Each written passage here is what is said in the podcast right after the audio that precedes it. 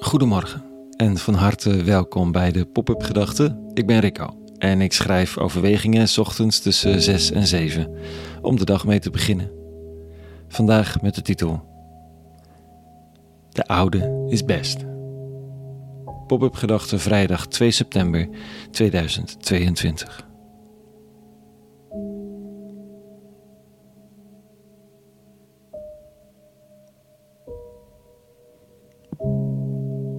Ik wilde nooit nieuwe schoenen, want die oude liepen zo lekker. En nieuwe broeken al helemaal niet, want die voelden zo stug. Misschien is het een van de redenen dat die gebleekte, verfaalde, gescheurde spijkerbroeken zo mode normaal zijn geworden. We willen liever niet iets nieuws. Je ziet jezelf lopen en je voelt de vouwhoeken nog in het materiaal. tegelijk is het soms ook onweerstaanbaar. Iets nieuws. Iets nieuws voor een bruiloft, een feestje of gewoon iets nieuws omdat je je ellendig voelt. Kopen als snelle zelfzorg. En daar weet de fast fashion markt wel raad mee. Elk seizoen een nieuwe collectie en liefst nog tussendoor. Je wilt niet achterlopen. Beide bewegingen zijn sterk in de samenleving, in de mensen, misschien al wel zo oud als de wereld. Het verlangen naar iets nieuws en de omarming van iets puur omdat het nieuw is.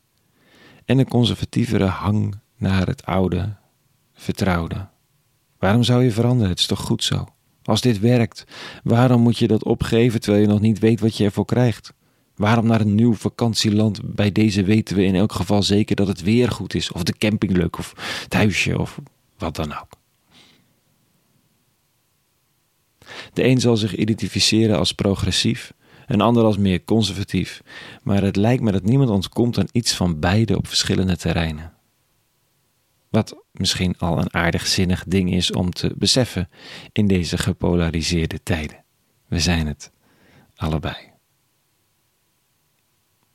Vandaag in de lezing waarschuwt Jezus zijn leerlingen dat men niet zal zitten te wachten op verandering, op de nieuwe tijd die aanbreekt, de nieuwe interpretaties die hij brengt. Want met radicaal nieuwe ideeën gaan ook oude tradities op de schop, oude manieren van doen, oude rituelen, zoals vasten, hij zegt het zo. Iemand doet, niemand doet jonge wijn in oude zakken. Blijkbaar ging de wijn in zakken. Anders doet de jonge wijn de zakken bersten. Het loopt eruit en de zakken gaan verloren. Maar jonge wijn moet men in nieuwe zakken doen. In nieuwe vormen, rituelen, tradities. En niemand die oude gedronken heeft, wenst jonge. Hij zal zeggen: De oude is best. De oude zakken moeten plaatsmaken. Tja, is niet leuk. En het zal dus niet altijd gelden, want re, respect voor behoud van het goede. Maar in het geval van Jezus was er geen plek meer voor de harde tradities van vasten, van afstand houden van alles en iedereen die vermeend onrein zou zijn. De nood was te groot en de bestaande vormen brachten niet de gerechtigheid die brood nodig was. Sterker nog, de oude vormen deden ook misschien wel meer kwaad dan goed. Kwetsbare mensen werden slachtoffer in plaats van dat ze werden opgevangen en verzorgd. De geest van de regel was gestorven, maar de regel zelf werd met hand en tand verdedigd, soms dwars tegen de geest in. Dan zegt de revolutionaire Jezus van Nazareth dat de tijd van oude vormen voorbij is en dat het oude ook niet meer te repareren is. Het is voorbij, nieuwe wijn, nieuwe wijnzakken. Ja, en degene die wijndrinkers zijn weten het, wie oude wijn gedronken heeft, heeft niet echt per se behoefte aan jonge wijn. Die belegen, doorgewerkte smaak van oude wijn. Wat doe je, uh, wat moet je met die frisse, fruitige Beaujolais-versie? Het voelt oppervlakkig. Het heeft niet de gelaagdheid van het oude. Het voelt niet eens als echte wijn. Laat het eerst maar eens even tien jaar bezinken, dan zullen we wel zien of we het lusten. Maar de man van Nazareth heeft geen tijd om het te laten bezinken. Hij passeert de oude vormen en begint een nieuwe wijnbar, zo gezegd. Voor de uitgeslotenen en kwetsbaren. En kan de oude generatie het niet bijhouden, dan lijkt hij er maar weinig geduld mee te hebben.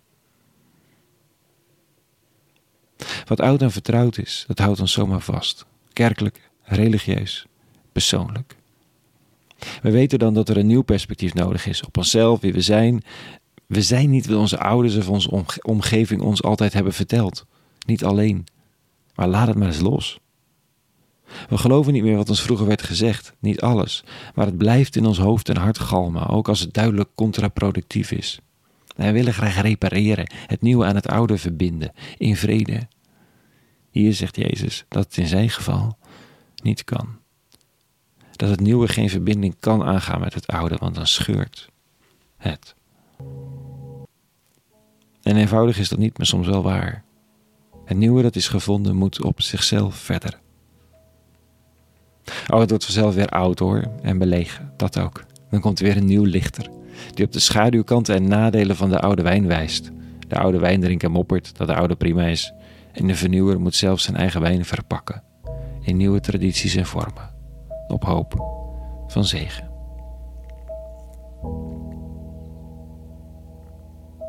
Tot zover even de gedachten van vanochtend, om eens te laten rondwalen door hoofd en hart, om te zien waar het aan haakt. Een heel goed weekend gewenst. Maandag weer een nieuwe pop-up gedachte, zo hopen we. En vrede. En alle goeds.